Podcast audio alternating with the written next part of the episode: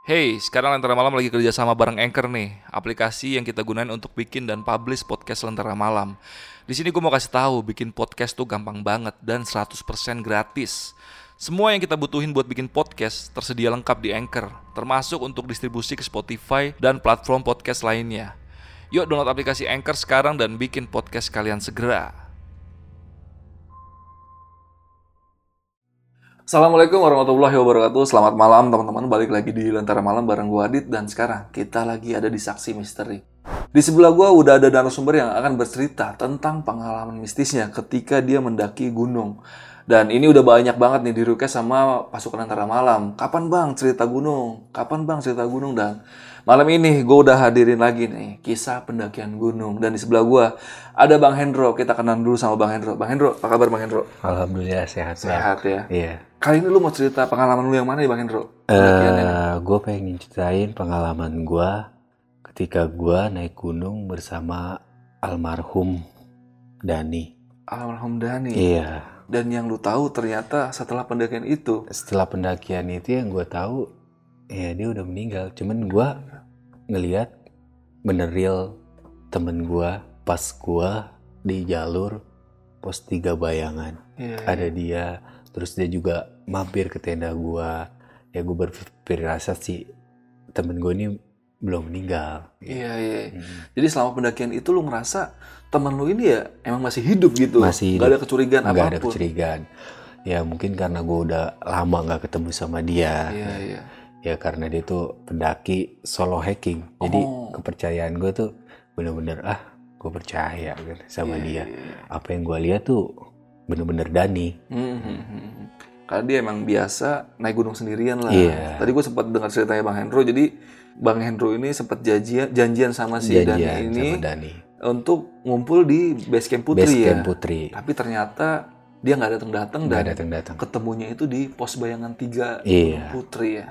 Dan buat kalian yang penasaran gimana cerita lengkapnya harus wajib banget tonton video ini sampai habis. Dan ya udah, Bang Heru udah siap buat ceritanya siap dan gak usah lama-lama lagi. Sebelum kalian dengar ceritanya, kita tonton dulu yang satu ini.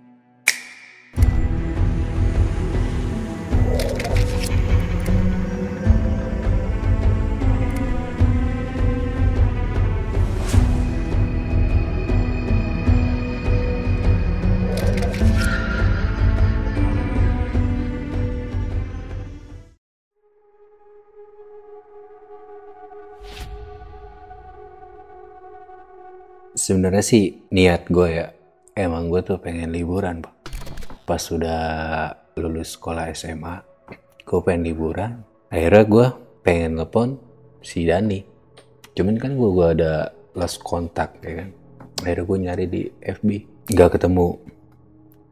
Pas sudah itu gue pengen ngedaki nih ke gunung gede lewat jalur putri di FB akhirnya gue nyari-nyari grup akhirnya gue kenalan nih sama orang Bogor berdua. Dia pengen ngedaki juga. Akhirnya udah gue bilang ya udah bang bareng aja sama gue gue juga pengen ke gede nih Putri sama teman gue ya udah eh, nama abang siapa ya? Gue Endro. Oh ya udah bang. Gue abang sama teman abang. Iya gue berdua.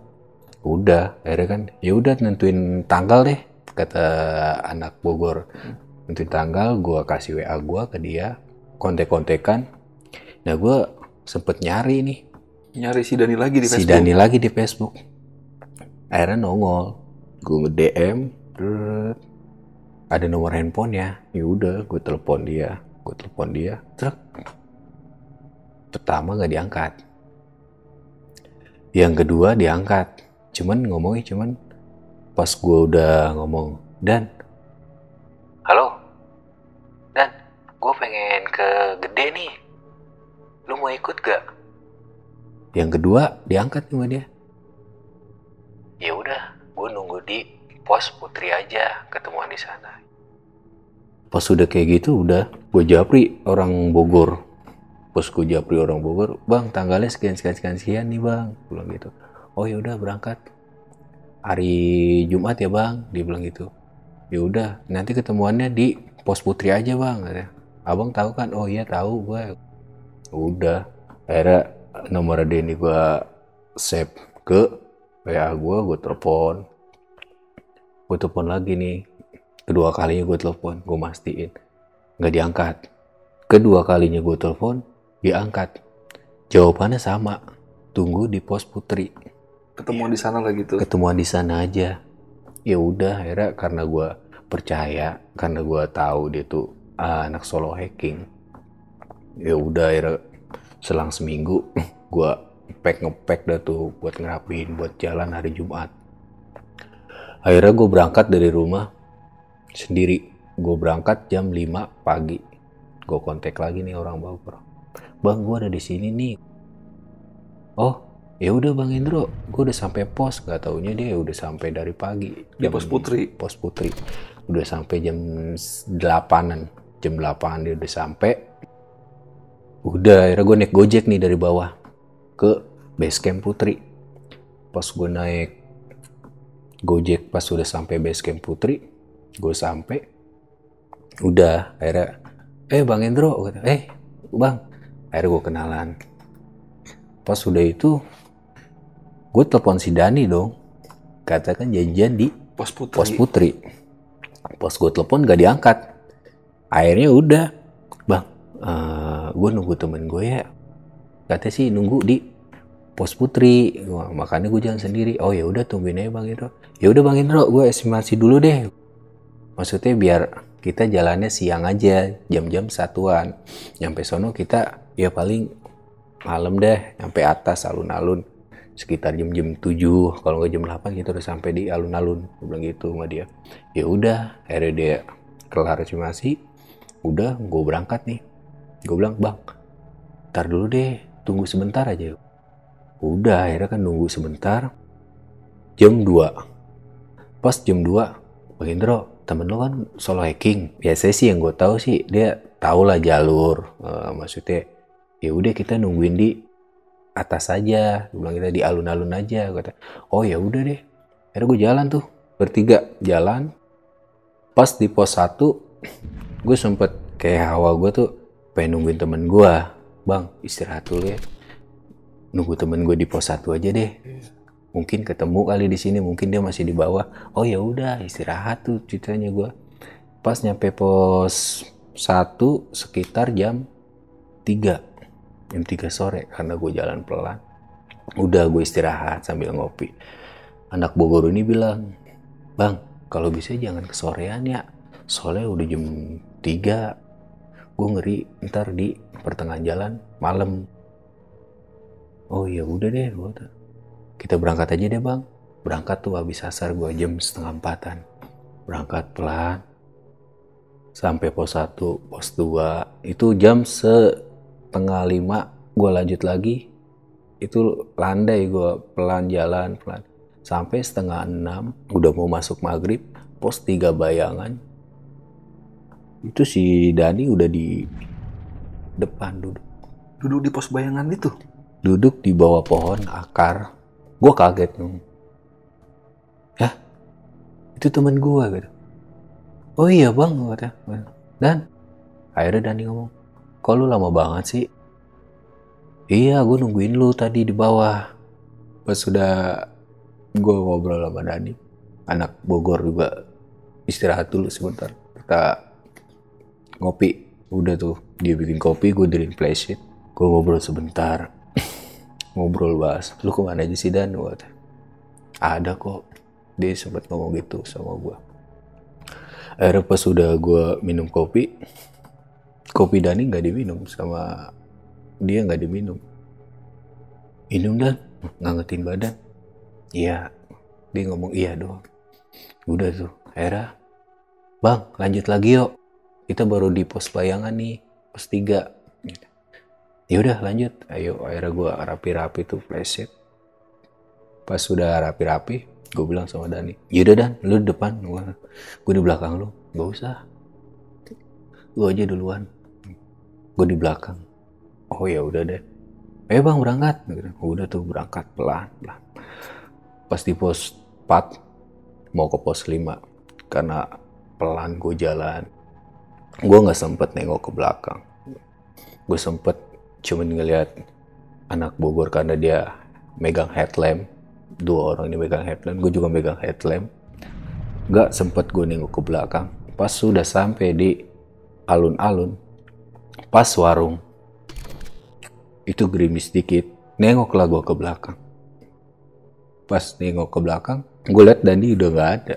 Akhirnya kan gue sempet kaget apa mungkin dia masih di bawah? Gue pengen turun gue nggak mau ngambil resiko. Gue bilang e, bang tunggu sebentar ya. Kayak temen gue masih di bawah nih Bat.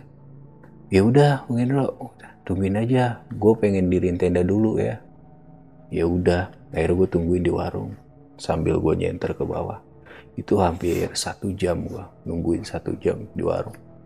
Kelar tenda sudah rapi anak Bogor maranin gue dia bilang bang Hendro kita di tenda aja yuk soalnya udaranya udah makin dingin. Bang Hendro juga capek banget butuh istirahat. Gue nungguin temen gue ya udah nggak kenapa-napa gue kata. Hendro jangan pikir yang enggak enggak ya soalnya di gunung. Iya ya dia kan anak solo hiking tim bang Hendro sehat. Maksudnya saya juga nggak mau kejadian yang enggak enggak bang Hendro. Ya udah akhirnya gue ngikutin anak Bogor tapi kan gue sambil ngobrol. Tapi kan dia nggak tahu. Ya udah bang Hendro di depan aja maksudnya ngadem aja bang Hendro soalnya dingin banget udaranya. Maksudnya Ya nggak tahu itu nggak tahu posisi tenda iya gitu, gitu, Bang. dia nggak tahu. Kita juga kalau lo di depan lo ngeliat pasti tahu kan lo bang temen lo kata iya sih. Ya udah akhirnya gue ke tenda gue lepas keril gue gue masuk.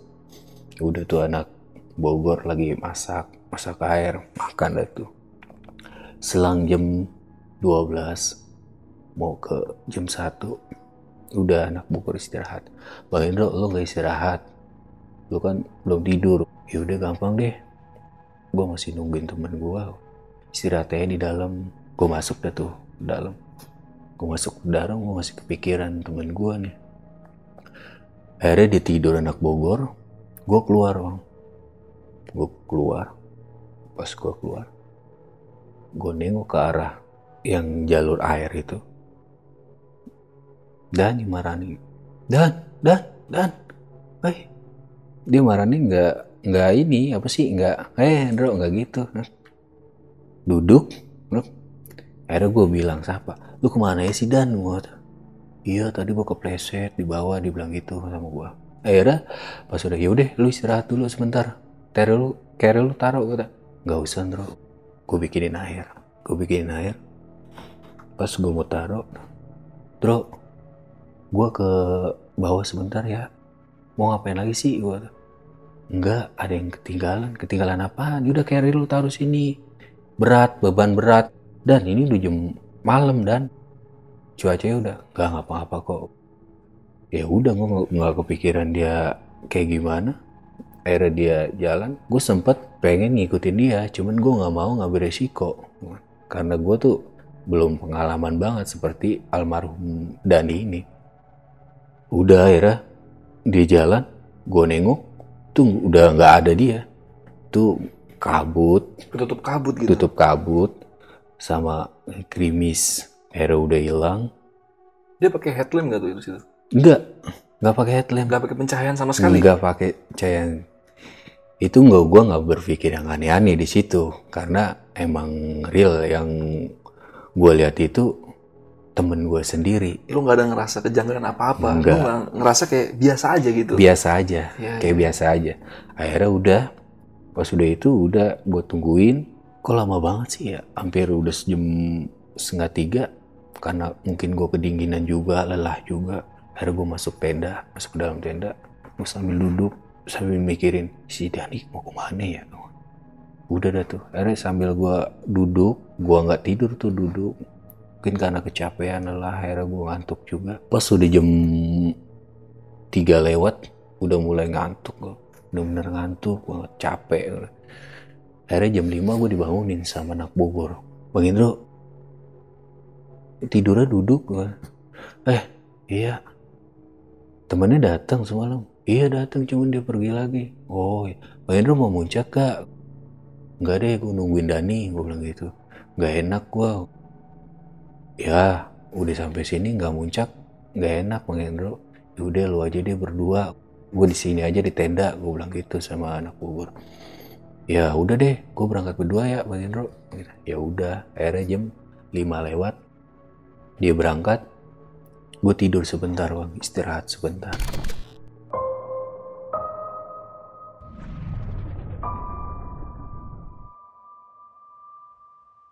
istirahat sebentar gue tidur. Jam 10 anak Bogor turun dari puncak. Pas turun dari puncak udah tuh gue dibangunin. Bang Indro eh jam berapa ya? Ah, jam 10-an astagfirullahaladzim gue tiduran nih. Gak apa-apa bang Indro. Akhirnya gue masak-masak gimana? Temen lu bang. Gue iya belum datang datang ya yaudah gak usah berpikir yang enggak enggak dibilang gitu sama dia. Akhirnya udah tuh mungkin di sana ada temennya atau gimana kita nggak tahu kan bang Indro iya sih eh udah tuh gue nggak nggak kepikiran Dani lagi akhirnya gue masak makan cerita-cerita sama anak Bogor cerita tentang si Dani pengalaman si Dani. Udah akhirnya pas jelang maghrib udah kecapean mungkin anak Bogor dia tidur. Gue belum tidur bang masih nungguin Dani. Pas sudah itu jam 10 gue keluar. Kayak gelisah aja gue kayak gelisah aja. Gue keluar ntar gue masuk lagi ke tenda. Pas jam 12 pas gue buka tenda tuh Dani udah duduk. Duduk? Duduk di samping depan tenda gue ada duduk gue kaget ngelihat dia.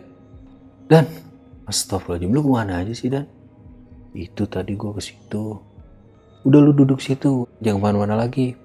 Gue seduhin teh. Akhirnya gue ngomong cuma sebentar dia bilang bro sebentar bro. Gue mau ke situ ya. Dan lu kemarin gak di sini. Lu mau ke mana lagi sih? Gak sebentar doang. Ntar gue balik kok. Ya udah carry lu taruh. Gak usah ngambil beban lu bawa carry gitu taruh sini aja. Gak nggak usah sebentar. Dan udah tuh. Akhirnya dia balik muka main ke rumah ya bro. Dia nepak ini dia bilang main ke rumah bro. Ya udah. Akhirnya kan karena gue nggak pikir yang enggak enggak iya iya dan. Itu gue sebentar di jalan. Pas jalan pas gue nengok tuh udah nggak ada. Hilang lagi. Udah hilang lagi. Gue udah berpikir ah yang enggak enggak eh, maksudnya berpikir yang biasa aja lah yang penting temen gue gak kenapa-napa selamat. Udah akhirnya gue masuk tidur. Pas tidur gue bangun jam 6 dibangunin anak Bogor. Bang bangun. Bang anak Bogor sempat nanya kita pulang lo jalur mana nih? Sama anak Bogor mau jalur Cibodas jangan deh kalau jalur Cibodas. Cuman cuacanya kan lagi nggak mendukung nih. Kita balik aja ke Putri. Ya udah kita balik jam berapa nih bang jam 10 apa ya enaknya siang sih gue mau istirahat dulu ya udah bang lu capek banget kayaknya ya udah lu istirahat aja dulu baru gue istirahat anak Bogor masak-masak dah tuh pas sudah jam siang jam satu gue dibangunin sama anak Bogor Bang Indro, Bang Indro, bangun. Ya makan dulu bang. Makan dah tuh. Makan ngepek-ngepek akhirnya. Sudah rapi semuanya. Gue ngepek-ngepek sama anak Bogor. Ngepek. Udah rapi. Akhirnya berdoa gue. Berdoa. Gue masih mikirin si Dani. Temen gue kok dua hari ketemu. Cuma nggak ke tenda ya. Udah Bang Indro. Gak usah dipikir yang enggak-enggak. Yang penting sekarang kita pulang dulu. Soalnya cuacanya udah nggak mendukung nih gue takut hujan gede kita pulang keadaan buruk berpikir positif ya bang Indro iya deh akhirnya berdoa jam setengah dua udah turun tuh turun ke bawah. Dari pos 5 ke pos 4 pas sore jam 3 masuk jam 3 lah. Akhirnya anak Bogor nih jatuh di pas pos bayangan. Kepleset. Kepleset kebanting karena carrier carrier mungkin karena berat juga ya. Keplanting gitu. Akhirnya kakinya masuk ke akar. Sepatu itu masuk ke akar. Jengklek dia. Jerit sampai jerit. Astagfirullahaladzim akhirnya gue bantu kan bang lu ngapa bang? Kaki gua. Sama kaki lu buka sepatu ya Allah udah biru di sini bengkak kaki gua bang sakit banget bang. Kecengklak. Akhirnya gue nggak berani kan karena gue nggak mau ngambil resiko. Ya udah gue ambil balsem. Gue urut-urut lu bisa nggak bang Carry lu gue bawa deh Carry lu gue bawa lu mau temen lu deh lu gandeng akhirnya pelan gue jalan gue bawa Carry dua depan belakang Hey, sekarang Lentera Malam lagi kerja sama bareng Anchor nih, aplikasi yang kita gunain untuk bikin dan publish podcast Lentera Malam. Di sini gue mau kasih tahu, bikin podcast tuh gampang banget dan 100% gratis. Semua yang kita butuhin buat bikin podcast tersedia lengkap di Anchor, termasuk untuk distribusi ke Spotify dan platform podcast lainnya. Yuk download aplikasi Anchor sekarang dan bikin podcast kalian segera. temennya gendong rangkul dia di samping. Yaudah kita jalan pelan-pelan aja biarin deh sampai bawah malam. Yang penting kita pelan-pelan aja. Karena keadaan becek ya abis gerimis. Udah gue jalan pelan-pelan.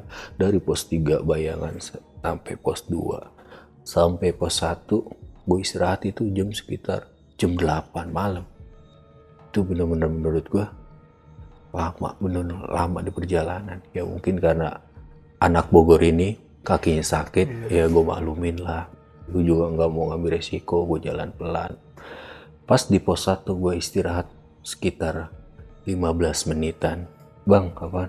Istirahat dulu gue lihat kaki lo itu udah bengkak kakinya anak Bogor ini. Sakit bang. Bener-bener dah sakit banget. Ya udah akhirnya dari belakang dan nepok. Astagfirullahaladzim. Dan lu mana aja sih? Dia sempat nengok orang Bogor ini bantuin.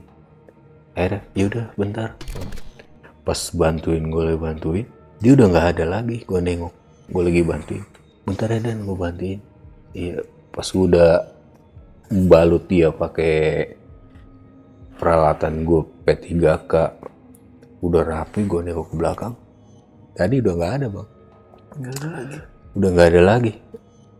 Dari situ udah pemikiran gue udah udah lepas kayak ini kayak bener-bener aneh. Udah kacau lah. udah kacau udah bener-bener capek juga. Ngurusin anak Bogor juga yang jatuh. Udah bener bawa keril dua. Itu beban banget udah bener-bener lemes gue udah bener fokus gue udah hilang oh, yaudah kita buru-buru deh kita langsung ke base camp putri aja udah akhirnya gue rangkul gue gantian. Ini dulu bawa nih tas keril gue yang rangkul Pak. akhirnya anak Bogor rangkul ya temennya ini gue turun ke bawah. Pas sampai pos putri sebelum pos putri sih itu temennya langsung pingsan jatuh yang sakit itu. Mungkin karena kelelahan ya. Pas pingsan kaget sok gua. Bang bang lu ngapa bang oh iya, tolong tolong gitu. akhirnya kan dari pos putri itu menjaga itu langsung nyamperin kenapa bang temennya bang? Gak tahu nih kayaknya kecapean. Pas lihat eh kecapean ini akhirnya di bawah tuh. Dilihat kakinya bener-bener udah bengkak. Akhirnya udah tuh bang kalau bisa eh, nginep aja di rumah warga disaranin sama orang situ. Ya udah ah soalnya ini kalau dilanjutin ngeri kenapa-napa. Mungkin nanti di sana ada yang bisa nanti diurut dibantu gitu. Ya ah gitu. Kalau naik-naik gunung gitu jangan terlalu dipaksa ya ya ah. akhirnya gue ke rumah warga. Pas sampai rumah warga numpang istirahat tidur di situ. Karena eh, yang di pos putri ini AA kenal warga-warga situ. Nitip akhirnya. Nitip gue nih sama yang orang bertiga ini. Akhirnya gue tidur di situ. Pas gue lagi tidur itu gue mimpi. Mimpi almarhum Dani. Mimpi jam sekitar jam 12 lewat lah. Mimpi? Dia di depan rumahnya dia dadain gua sambil senyum gitu. Langsung gua kebangun. Astagfirullahaladzim.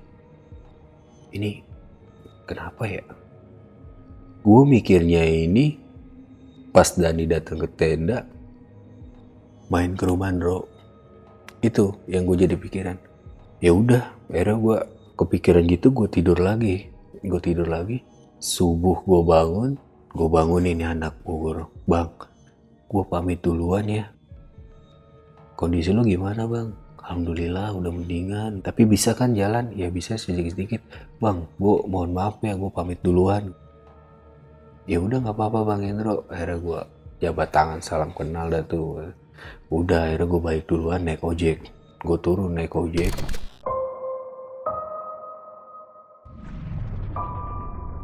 Akhirnya gue pulang gue bis. Sampai rumah itu siang jam 12 mau ke jam 1 lah gue sampai rumah. Akhirnya gue istirahat gue mandi. Pas udah gue mandi gue sempat berpikir gue ketemu Dani terus gue dimimpiin kayak ada yang aneh nih. Ya udah akhirnya kan karena gue capek gue tidur. Sore gue tidur. Itu malam gue mimpi lagi. Mimpi yang sama pas gue lagi di base camp rumah warga. Itu. ya. mimpi itu sama sama di rumah gue astagfirullahaladzim. Gue mimpi sama nih. Akhirnya gue mutusin wah besok gue harus ke rumahnya nih. Ini kayak ada yang aneh atau gimana nih? Waduh, apa mungkin si Dani sakit atau gimana gitu. Ya udah jam 10 pagi gue mutusin ke rumahnya si Dani ke rumah Dani sampai jam 10 sampai rumahnya jam 11 pas sampai rumahnya assalamualaikum. Udah dah tuh keluar adiknya. Pas keluar adik eh ada bang Hendro. Iya eh, Dani mana ya? Dia sempat nggak ngomong. Bentar ya bang Hendro aku panggil Umi dulu katanya. ya udah akhirnya dia panggil Umi. Masuk bang Hendro ya. Gue duduk ngeliat foto-foto Dani akhirnya Umi keluar. Umi keluar. Mi gue tanya "Eh, Hendro ke mana aja? Nggak main-main ke sini. Iya Mi. Mi eh, si Dani ke mana ya Mi? Gue bilang gitu. Diem Umi diem. Hendro nggak tahu ya nggak kena nggak tahu kenapa Mi. Dani udah meninggal kan Ro gue pas dia ngomong ini gue sempat nggak percaya. Ah jangan bohong Mi. Soalnya kemarin Hendro berangkat ke gunung sama Dani ketemu Dani di sana. Akhirnya dikeluarin lah. Foto foto-foto sama berkas-berkas Dani di rumah sakit. Semuanya dikeluarin. Ini Indro. Astagfirullahaladzim. Sok gua. Cepet bener-bener gue nangis depan Umi di situ. Sampai gua. Ini bener Mi gitu. Iya Indro. Gitu. akhirnya udah tuh. Akhirnya gue minta anterin kuburan Dani. Sempet gue bilang Mi emang kejadiannya kenapa sih Mi? Sampai kayak begini akhirnya Umi cerita sama gue Dani pas lagi mau naik gunung gede katanya sih lewat jalur Cibodas. Terus Umi ngelarang karena ya si Dani masih ada Asma. asma. Umi bilang gak usah dipaksain bilang gitu. Akhirnya Dani bilang nggak apa-apa kok Mi. Eh, Dani sehat.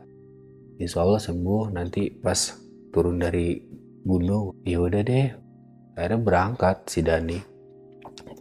Pas sudah berangkat dia balik lagi dulu balik lagi tuh sore sampai rumah sore. Itu udah terkapar di depan pintu. Umi sempat kaget. Pas ngelihat dia dengan muka pucat tuh udah nggak ada denyut nadinya. Umi sempat nangis jerit di situ minta tolong. Pas diceritain gitu bener-bener shock gue bener-bener shock. Akhirnya gue minta anterin adiknya ke kuburan si Dani. Ternyata bener. Pas gue dianterin sama adiknya adiknya cewek. Dianterin itu bener-bener gue tuh bener-bener lemes banget. Nyata ya yang gue lihat ini temen gue tuh udah kagak ada bang. Udah udah, almarhum. udah almarhum 14 hari. 14 hari. 14 hari dia udah almarhum.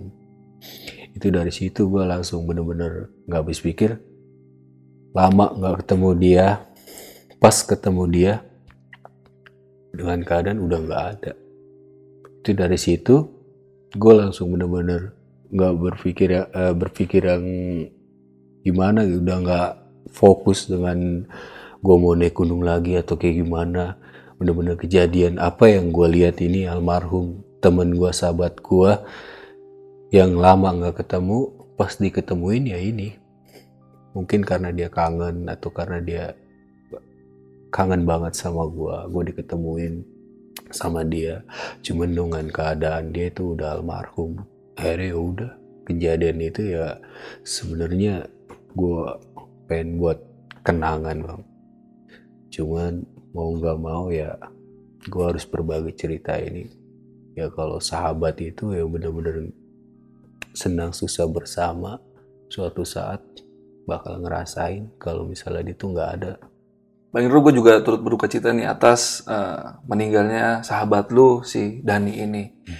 Jadi boleh tahu gak sih Bang Bang Bang Indro, background lu sama Dani itu dulunya sampai bisa jadi sahabat lu gimana sih? Dulu sih pas di SMP ya, gue itu bener-bener udah kayak ade abang ya, kalau hmm. dibilang ade abang. Jadi kayak senang susah bersama, hmm. terus juga kayak gue main ke rumah dia tuh udah dianggap kayak anak sendiri kalau kata Umi. Ya. Sebaliknya pun dia kalau main ke rumah gue tuh bener-bener udah kayak anak sendiri, ya. tidur bareng ya. Kadang-kadang gue bolos sekolah bareng sama dia. Ya pokoknya keseharian gue sama dia itu bener-bener udah kayak sesuatu keluarga lah, ya, udah kayak keluarga. banget ya. Sesuatu apa yang gue nggak ada dia nolong. Sebaliknya gue juga sama dia kayak gitu. Hmm. dia keadaan sakit gue datang gue temenin. Sebaliknya kalau gue lagi lu lagi sakit bro gue ke rumah lu udah nginep ini. Ya bener-bener udah kayak keluarga lah kayak ngerangkul banget. Setiap ada cerita-cerita masalah cewek sama dia bareng nangis bareng kadang-kadang gue sama dia kadang-kadang ya ya nakalnya gue sama Dani ini udah kebaca lah. Hmm. Maksudnya ya udah benar-benar klop. Gitu. Iya, iya, iya. Sampai ketika lu itu sampai kan tadi sempat cerita tuh kalau lu udah lama gak ketemu nih, itu hmm. bisa nggak ketemunya tuh kenapa tuh? Itu last contact gue pas lagi lulus SMP ya, lulus hmm. SMP, lulus SMP ya sempet sih uh, pas lagi liburan gitu main ke rumah. Mm-hmm. cuman main ke rumah doang cuman gitu-gitu doang. Akhirnya Dani ngelanjutin sekolah. Gue juga ngelanjutin sekolah. Udah lepas kontak gitu. Oh, udah yeah, kesibukan masing-masing. Yeah. ya karena gue berpikir buat masa depan gue Dani juga buat mas masa depannya dia udah lepas kontak itu udah jarang main gue hmm. pas di SMA ya gue mungkin nemuin teman-teman baru ya, ya dia kan? pun begitu juga iya ya. cuman nggak se intens dulu kalau ketemunya sama dia. Iya. iya, iya. Akhirnya udah tuh, gue udah lupa, udah bener-bener kayak lepas gitu aja. kan udah hmm. kesibukan masing-masing, udah lupa karena gue punya temen baru di SMA. Kelas 1, kelas 2, kelas 3. Pas di kelas 3 ini, gue mulai, gue kangen nih sama Dani. Gue pengen ke rumahnya, cuman gue, ah gak enak. Gue telepon dulu deh. Akhirnya pas gue nggak punya nomor WA-nya akhirnya gue liat di Facebook, dari Facebook. Ya? Dari Facebook pas gue dari Facebook gue liat ini nggak nggak ketemu. Ya udah akhirnya pas lagi liburan gitu gue pengen naik gunung pengen naik gunung cuman nggak mungkin dong gue sendiri yeah. karena gue belum berpengalaman di solo hiking awalnya sih dia emang dari SMP kelas 1 itu emang bener-bener orang pemberani ya hmm. gue emang sering diajakin solo hiking sama dia. Oh dia dari SMP udah sering naik gunung dia? Dari dia sih emang dari abangnya, ah, ah. abangnya kan solo hiking juga. Yeah. Ya akhirnya dia dari SMP setiap libur gue diajakin, ah enggak, lu aja sono berangkat gue. Gitu. gue bilang gitu, yeah. gue karena gue belum berpengalaman banget. Lu aja enak tau Dro, bilang gitu. Ah lu mah gak pernah, lu mah aduh lu mah katro dulu lagi gitu sama dia kata ah capek doang kata. akhirnya dia emang dari SMP kelas 1 kelas 2 kelas 3 emang pemberani orang ya orang itu hmm. nekat kalau si iya. Dani itu orangnya nekat akhirnya pas sudah itu di Facebook karena gue pengen refreshing ya. Mau naik gunung gede cuman lewat jalur putri. Karena jalur bodas kan gue udah pernah juga. Gue pengen lewat jalur putri katanya nih menantang nih jalur putih hmm. akhirnya udah. Akhirnya gue cari-cari di Facebook. Kenal lah gue sama orang Bogor ini hmm. ya kan? Yang dua orang itu ya? Yang dua orang itu.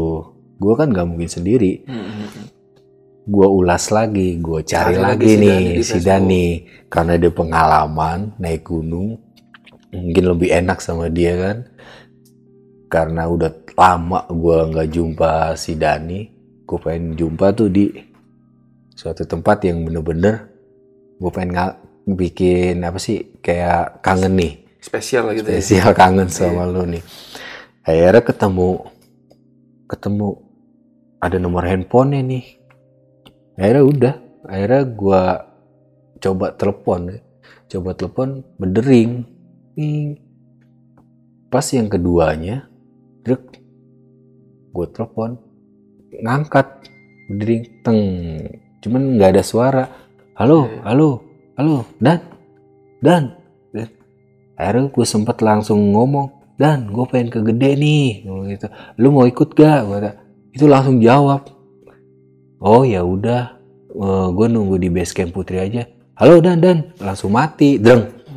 Udah Iya, gue ya kok digini? Ini kayak ini apa sih? Omongan sepatah doang. Iya, gue iya. nggak Masih nggak jelas lah gitu iya ya. masih nggak jelas. Gue pikiran yang gak aneh-aneh. Oh ya udah deh. Udah ada kontaknya. Iya, iya, iya. besok gue hubungin lagi nih. Hari Jumat berangkat gue telepon flashback lagi nih. Balik dan nih. Jawabannya sama. Hmm. sama jawaban yang awal pertama gue telepon dia nunggu di pos pos Iya. putri. Pos putih. ya udah gue nggak berpikir yang aneh-aneh gue berangkat akhirnya sendiri. Iya, gue berangkat sendiri ketemuan di pos putri ternyata gak ada Dani. Itu dia yang gue bikin. Ah ini anak ke mana sih ya gue pengen ketemu pengen ngeliat wajahnya aja tingkah lakunya dia Iya. Iya karena gue tuh udah lama banget nggak ketemu Dia kan meninggalnya karena asma ya, kemungkinan ya. Itu lu tahu dia ada asma emang dari dulu apa pas diceritain sama ibunya lu baru tahu? diceritain sama ibunya Oh. dia tuh penyakit asma pas SMA Oh. Berarti Udah. dulu lu nggak tahu kalau dia punya penyakit asma Enggak. gitu. dulu dia mah sehat Sehat-sehat aja gitu. karena dia sering naik gunung solo hiking yang Hmm. badannya keker nggak Iya. keker-keker banget sih emang Orang tering- lah gitu ya ya. orangnya sih emang terikilan Iya, iya. pokoknya mau ke mana aja kalau misalnya ada acara-acara ayo ayo jalan jalan Orang seneng layap lah gitu Iya, ya, seneng jalan iya. gitu ya. emang ke mana aja emang juga Umi juga ngebebasin dia Iya, karena iya, dia iya. tuh ya emang jiwanya sering jalan sendiri keluar Iya. sendiri nggak pernah ngelarang Iya, iya, cuma iya. pas diceritain Umi pas kejadian dia punya penyakit asma plus kelas 2 2 SMA Dua SMA dia punya asma. Ah. Kayak biasa aja kan pas ketemu sama dia nggak ada nggak ada kecurigaan sama sekali Nggak. gitu. Nggak nggak kelihatan kayak ini bukan ma bukan Iya. manusia gitu nggak kelihatan ya. kayak kayak ya Kayak, kayak, kayak gini, biasa aja gitu kayak ya. ngobrol kayak ngobrol kayak jelas gue ngeliatnya jelas bener-bener jelas Iya, iya, iya. cuman yang mungkin gue nggak ber pris- eh, nggak berpikir yang aneh-aneh ya Mm-mm. cuman ngeliat wajahnya ini tuh kayak pucet doang kan Iya. mungkin karena dia itu eh, naik gunung karena kecapean Iya, iya. gue nggak berpikir yang aneh-aneh cuman Iya. muka pucet biasa gitu ngomongnya juga lembut Mm-mm. nggak ngomong yang yang gue nggak habis pikir gue dulu kenal sama dia tuh emang dia ngomongnya nyeplos Mm-mm. ah lu gini, lo selalu Iya. ceria cuman yang gue ketemuin itu di gunung itu biasa aja Lebih lembut. kalem gitu ya. lebih iya Iya, iya, iya. nggak kayak iya aja gitu kayak suara pelan gitu Nggak kayak dulu lah pokoknya. Nggak kayak dulu. Nggak kayak dulu. Beda Dani banget. yang lu kenal gitu ya. beda banget cuman kan gue nggak berpikir yang aneh-aneh Iya, iya, iya. Tapi untuk fisiknya emang ini percis banget. Ini lu inget banget Iya. ini Dani gitu. mirip banget Mirip banget. Ini pasti Dani lah gitu lah. iya karena dengan sosok tubuhnya mukanya Mm-mm. dengan rambutnya Iya. ya cuman yang ke keanehannya itu mungkin karena mukanya ya muka karena mungkin gue mikirnya mungkin kecapean atau Iya, gimana pucet muka pucet gitu Iya, iya. Ya udahlah, thank you banget nih Bang Hendro udah cerita di Lentera Malam. Gue turut berduka cita juga untuk eh, kepergiannya sahabat lu Dani. Semoga dia diterima di sisinya ya. Amin, amin. amin. Ya udah. Ya udahlah, paling segitu aja cerita malam ini. Sekali lagi thank you banget Bang Hendro udah cerita di Lentera Malam. Gua Adit dari Lentera Malam, Bang Hendro izin pamit.